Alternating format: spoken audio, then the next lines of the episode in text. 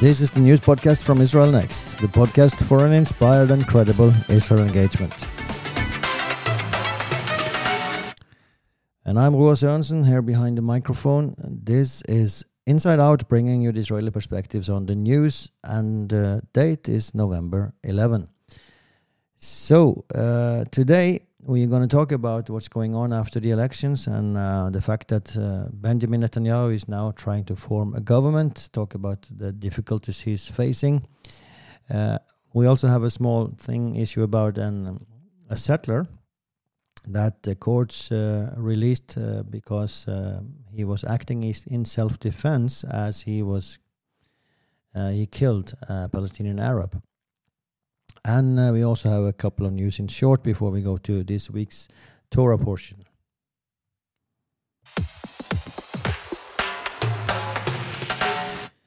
So, uh, first, Benjamin Netanyahu is uh, coming back, and um, he has not still received the, the formal request from the president to form a government, but uh, by now, 64 uh, mandates of the Knesset, the new Knesset, have recommended him as prime minister, and only something like 30 have recommended the alternative, which is uh, Yair Lapid, who is currently prime minister.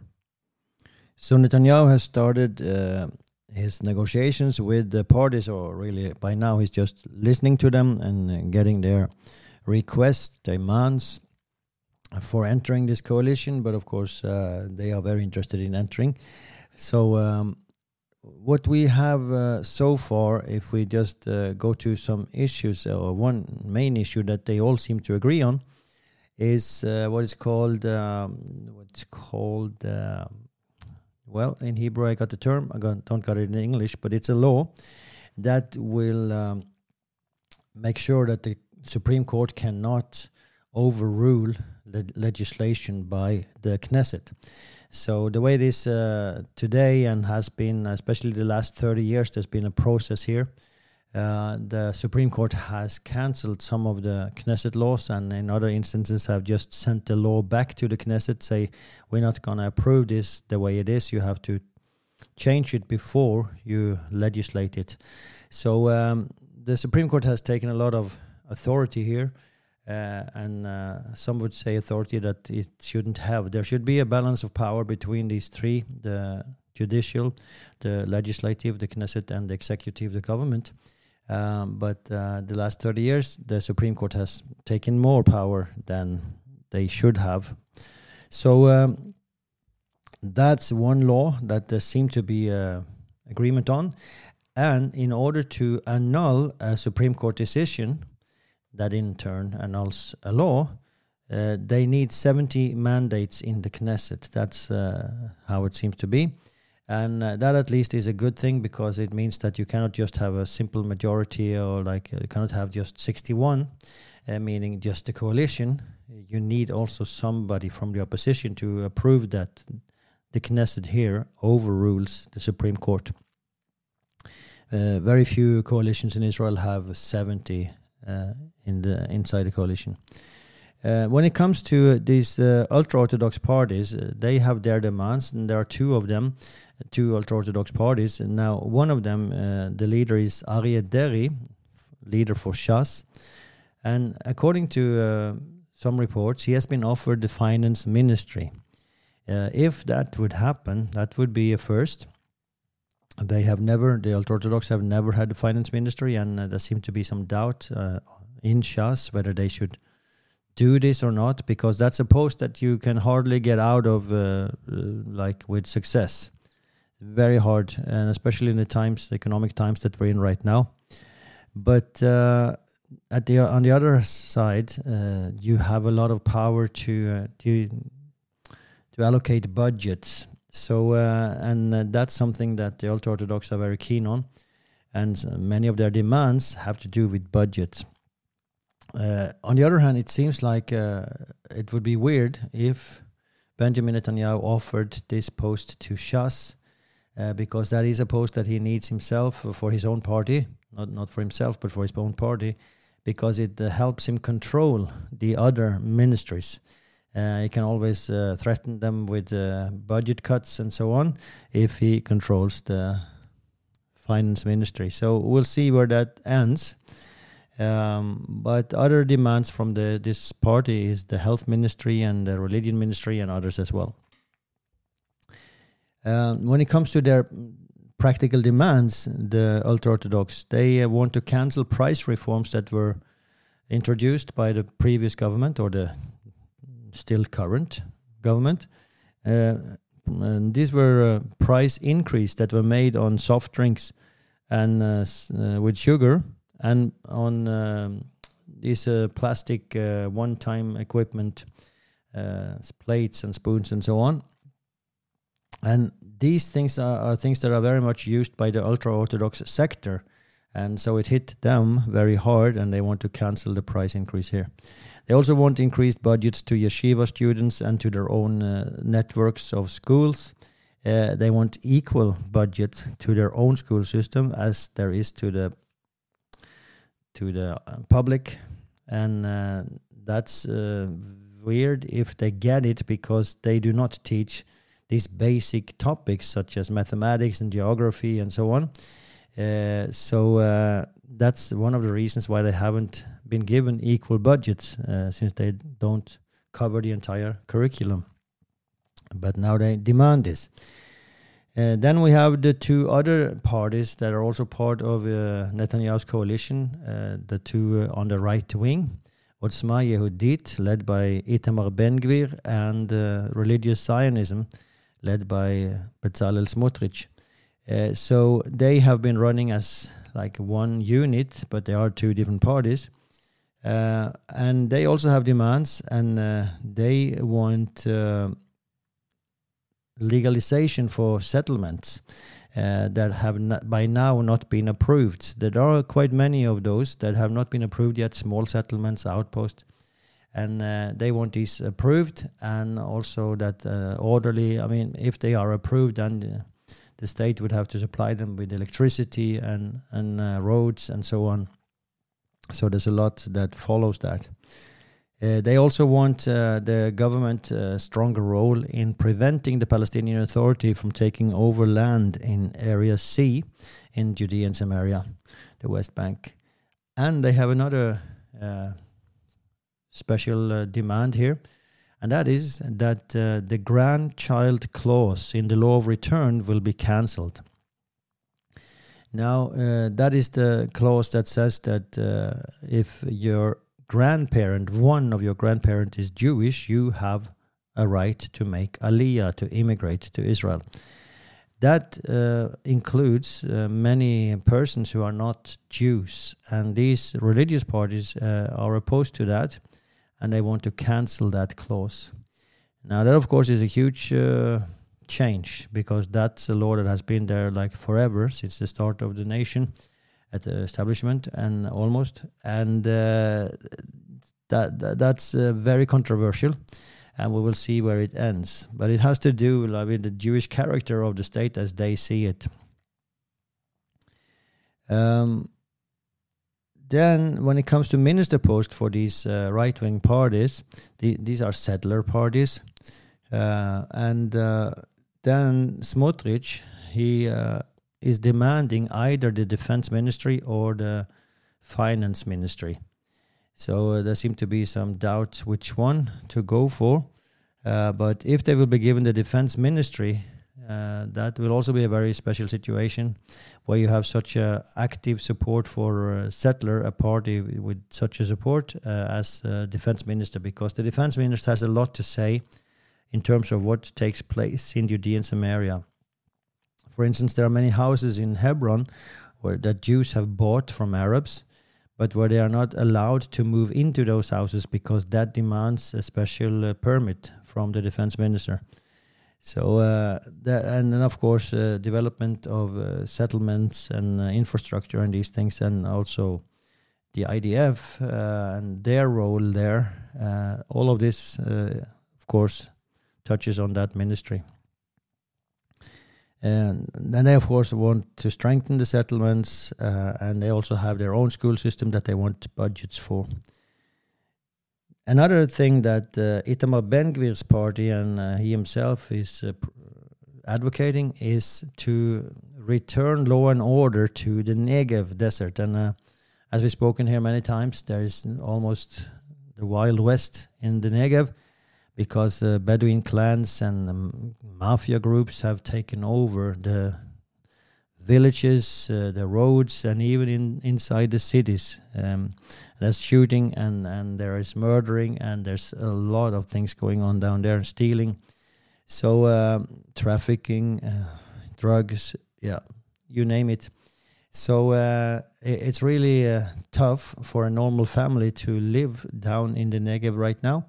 And uh, Ben Gvir then is demanding a new unit, police unit, with 400 new police officers to be established.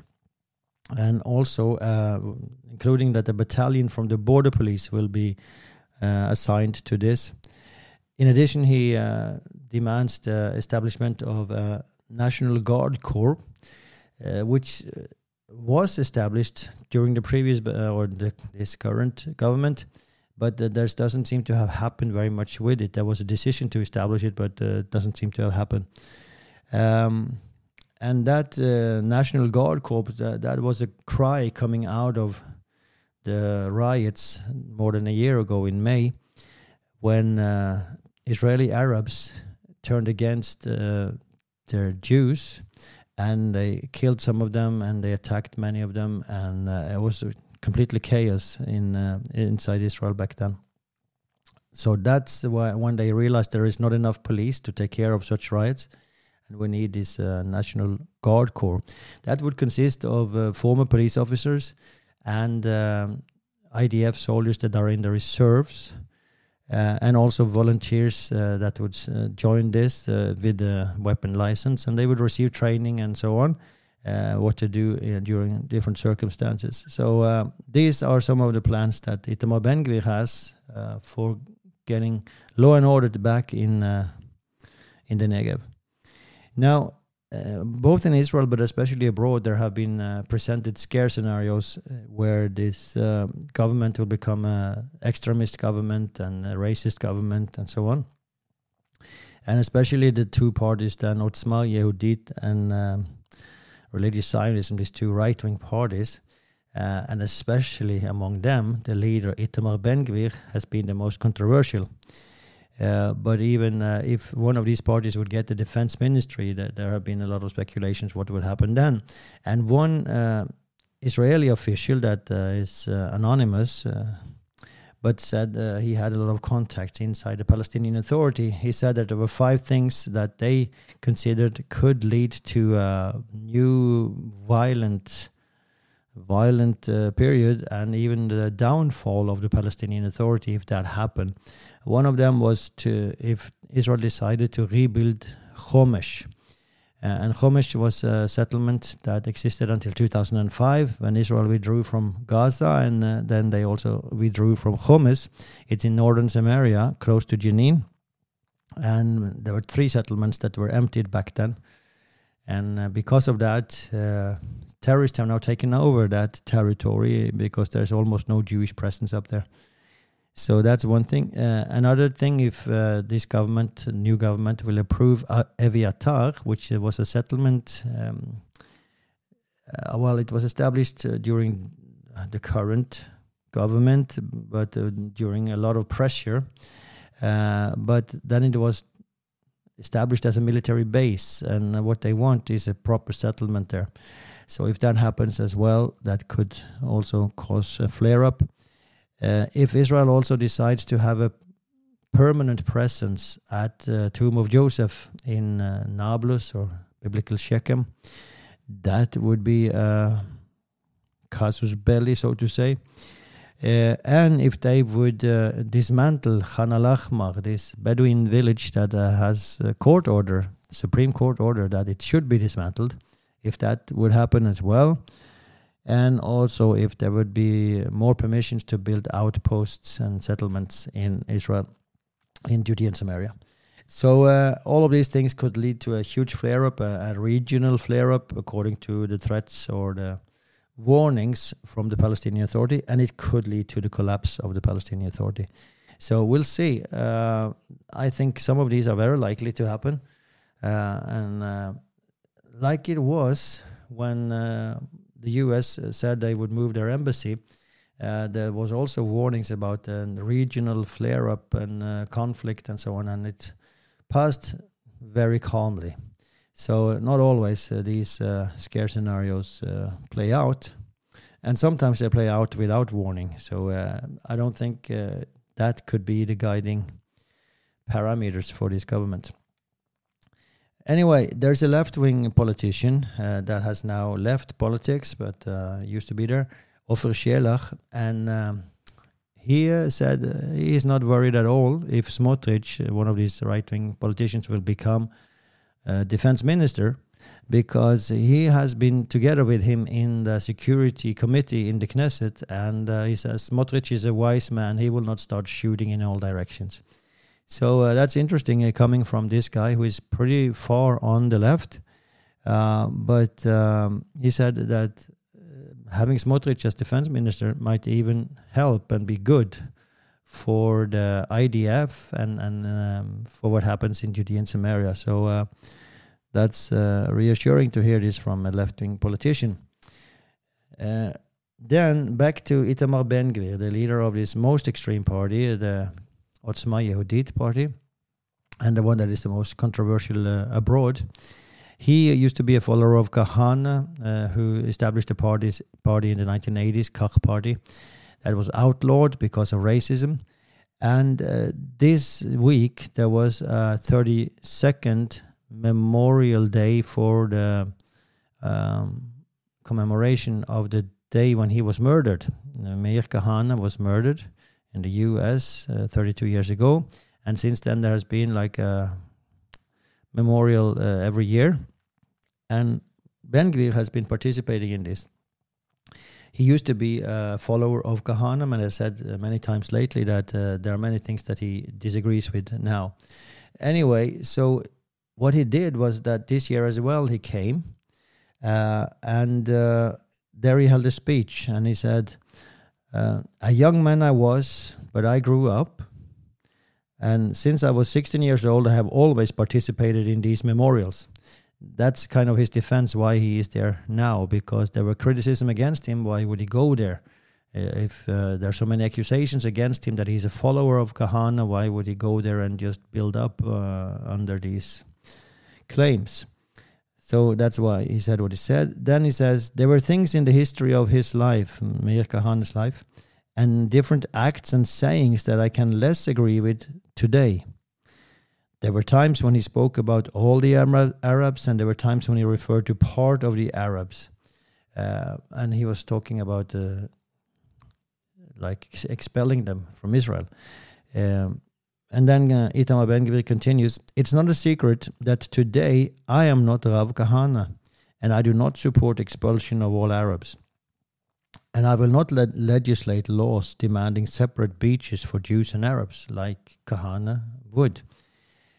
But we will for sure act to expel terrorists from the Jewish expel terrorists uh, and to form the Jewish character of the land and we will settle the land and strengthen its Jewish identity.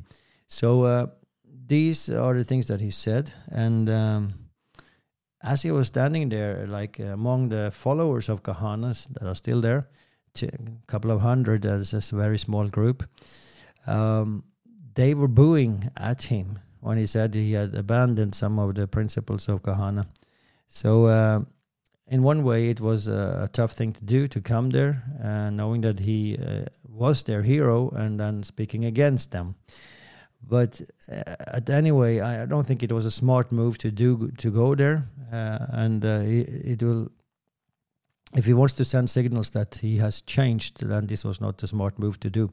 But he is an ideologue, and uh, he is less bothered by what is politically correct and these things, and well, he felt he had to go there since he has always been there.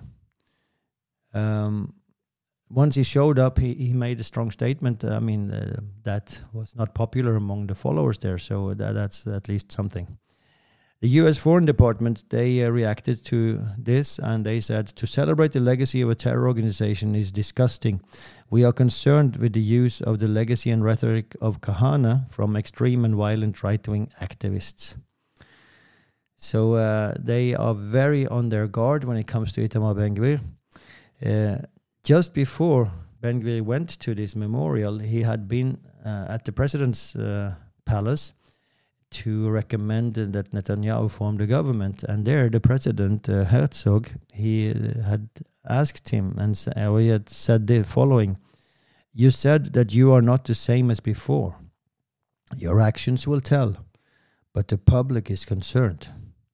And then his answer is I am no racist. We only want there to be order. Okay, the president said it well. Your actions will tell. So we'll see. Um, there are legitimate concerns with Otzma Yehudit's party uh, because uh, it's a its dependence on the extreme right can open up for racists, and uh, that that's its big problem. Since it's the farthest to the right, not as far as these racists want it to go, but it's the furthest to the right in the Israeli politi- political system. It will attract them, and they will try to influence it in the in their direction. But the good thing with a democracy is that extremists will not have uh, the main say. They will not be able to create a trend because the trend is always the majority. So uh, that there might be some decisions that will go wrong and so on, but in the long run, it will correct itself. So uh, when it comes to these uh, demands, then if we go back to the demands of these parties that we spoke about earlier, uh, when it comes to the Jewish character of Israel, I, I would say yes, it should be a Jewish state. That's why it was established. As long as non Jews, minorities have equal rights, that's not a problem. So let it be a Jewish state. Um, when it comes to budgets to religious schools and all these different yeshiva students and all this, that, that is problematic in the long run because the state will not afford, cannot afford an increasing number of these students um, studying and not working. So uh, in the end, that also will have to correct itself because in the end there will be less and less budgets and more and more students that uh, demand the budgets, and, and it will not it will not uh, work. And uh, so so by then uh, everybody will realize this. But uh, it's worrying that Netanyahu allows this to happen because he knows this cannot be sustained in the long run. Uh, so here he's not doing what is good for Israel; he's doing what is good for himself because he's totally dependent on that those parties.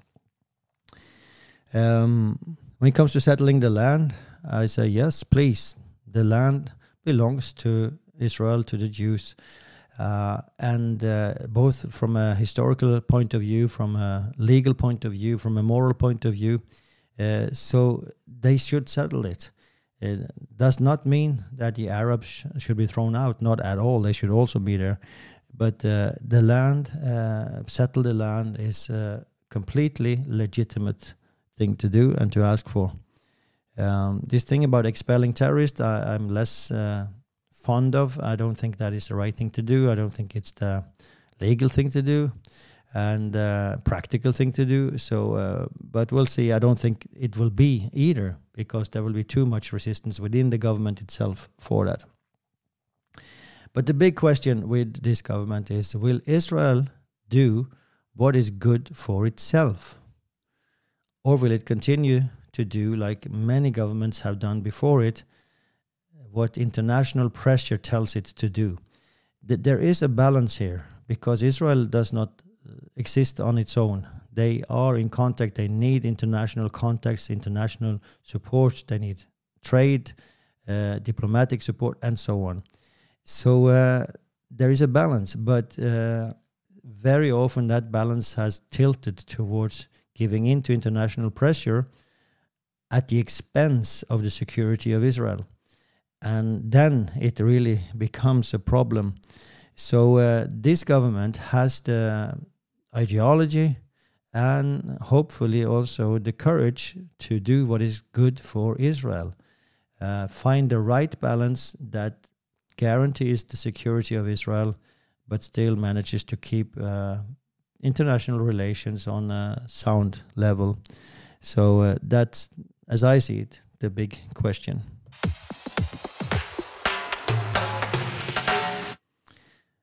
Another uh, thing here has to do with a settler that a few months ago was out uh, together. He was uh, leading a group of youngsters, teenagers, uh, out in the nature in Judean Samaria somewhere, and uh, they uh, were attacked by dozens of Arabs.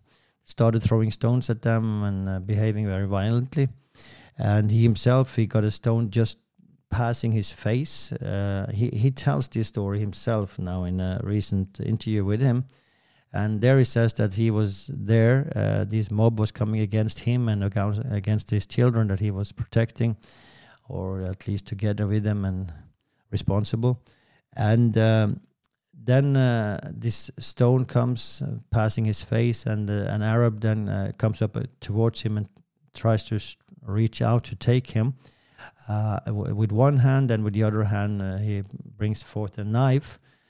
Um, and then uh, this this Jew, he says, I pushed him off and I uh, finished him off, or I neutralized him. Um, and he didn't say what how he did it. He didn't say anything about exact what happened. Uh, but this Palestinian Arab died of stabbing wounds. Uh, that's what we know. So, uh, in one way or another, he has been stabbing him. Uh, and uh, the question was then was this in self defense or was it an unprovoked attack on a Palestinian Arab? And in the end, the court says uh, they, we cannot prove that this was not self defense and we have to let him go. So, uh, th- this is part of a big dilemma for the settlers because the Palestinian Arabs are constantly provoking and attacking uh, Jewish settlers, whether they be alone, whether they be in groups. Uh, they, they, are always trying to provoke a conflict, and uh, the the this has in some instances led to murder. Not too many instances led to murder, and and many other instances that are not like with dozens of Arabs, but with the few that are hidden, they shoot, they throw stones, and so on. Many Jews have gotten murdered by Arabs. So, as a Jew, uh, you always wonder how far are they going to go, and when would it be right for me to defend myself? Uh, because if you start defending yourself too early, uh, you might not. Uh, it might not be called self-defense, but if you do it too late, it might be really too late. So uh, th- this is a dilemma, and, and, they are like walking this line. The Palestinians they know that there is this line, and that the Israelis uh, are they, they have to answer to the authorities. They themselves don't. Uh, I mean, they they will be uh, praised if they would kill a Jew. So uh, they they have no authorities to answer to, but Israelis do, and uh, so they are pushing this border all the time and uh, it's really hard for these uh, Jews to know exactly how to behave in every situation. That's not to say that uh, there are other times when Jews attack Arabs, uh, and uh, we have this. we have talked about this before. The Tag Mechir, the price tag uh, group, a group of extremists that attack Arabs and it seems to be unprovoked, and very often it is unprovoked, or it's provoked by something that happened days ago. So uh, here, here Israel has something to do. They need to take uh, care of that problem. But now I'm talking about another phenomenon, uh, which is the more common one.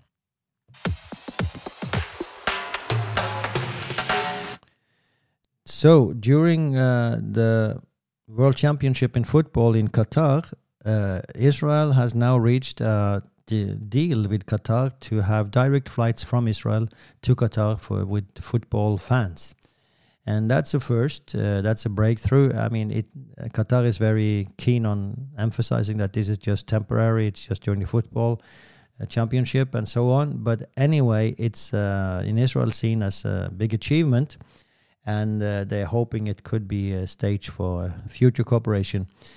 Uh, these flights will also include uh, Palestinian Arabs, so they will also have the opportunity to come to Qatar and uh, and look at the football. Uh, so that's interesting that you have uh, Israelis and Palestinian Arabs on these flights uh, going to football games.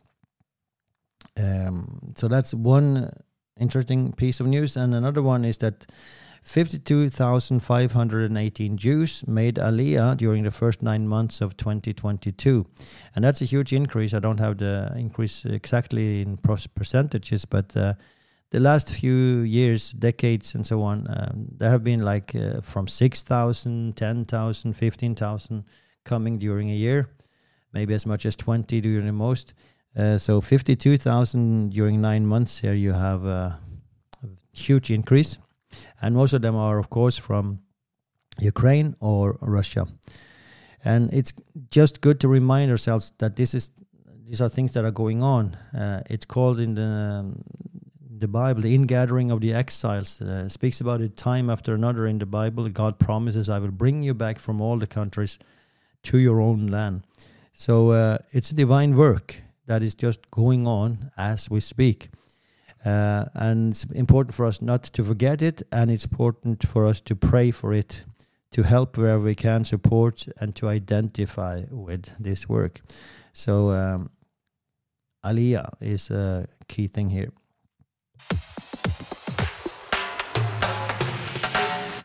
That takes us to Parashat Shavua, which is this uh, time Vayera from Genesis 18 1 to 22 24. Vayera means and appeared and, and he appeared. God appeared. And that's what happens. God appears to Abraham uh, and um, if, whether he appears first appears first and then the three men comes or if uh, he appears in the form of the three men that's the big question here uh, but anyway that happens three men come to his tent uh, they tell him that sarah will have a son but sarah laughs and she's rebuked then uh, the men carry on, and uh, the question is: Are they three men who carry on, or are they two? Because it's only two that come to Sodom in the end. Uh, but it says Abraham remains in the presence of God. Uh, would that be the last man, or how should we understand this? Anyway, God tells him about the intended destruction of Sodom, and Abraham intercedes for the city. Uh, then the two men arrive in Sodom. Uh, Lot takes them into his house. The crowd of the city come and they demand that they have their way with them, with the men. Uh, but these two men then they strike the crowd with blindness. Then Lot leaves with his wife and his two daughters, and the city is destroyed. Lot's wife become a pillar of salt as she turns back. Then Lot dwells in a cave after this with his daughters, and they make him drunk and get pregnant with him. As a result of that, Moab and Ben Ami are born, and these will become the ancestors of the people of Moab, the Moabites, and Ammon, the Ammonites. Abraham then moves to Gerar, uh, and there he tells Abimelech that Sarah, Sarah is his sister. Uh, he realizes, uh, Abimelech realizes the truth and sends Abraham and Sarah away. And God heals Abimelech's house when Abraham prays. Isaac is then born to Sarah, uh, and Abraham casts out Hagar and Ishmael, the bond woman, and her son. And uh, that's after a request from Sarah. Then God saves Ishmael and Hagar, and the boy grows strong. Abimelech and Abraham then enters a covenant, and the place where they enter the covenant, they call the place Beersheba. Then God tests Abraham by ordering, ordering him to sacrifice Isaac. But in the last minute, God prevents him from doing it. Abraham calls that place Moriah, and God blesses him. That's the content. I mean, so many stories in this part, but uh, we'll just uh, focus on one comment, uh, commentator that asked the question, why did God choose Abraham?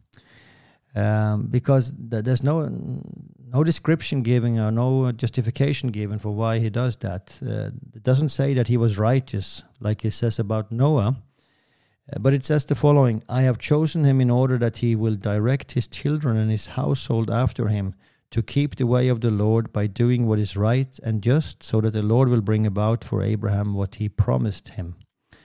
So uh, I have chosen him that he will direct his children and his whole household to keep the way of the Lord. So what this commentator says then is that God chose Abraham to become a father. Uh, and when you look at his name, both the name he had, Avram, and Avram means mighty father, and the name that God gives him, Avraham, uh, which means father of many people. Uh, then you see uh, his name is connected to being a father, and uh, now he will become the father of many people. And that's also what the New Testament speaks about in uh, Romans 4 that he is the father of us all. I made you to the father of many peoples. So, in biology, according then to this commentator, in biology, there is very little that supports fatherhood.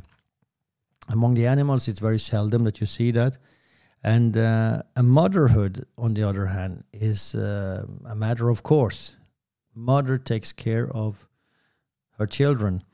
Uh, and interestingly, the word mercy or um, rachamim, that comes, compassion, should say. The word compassion, it comes from the word uh, rechem.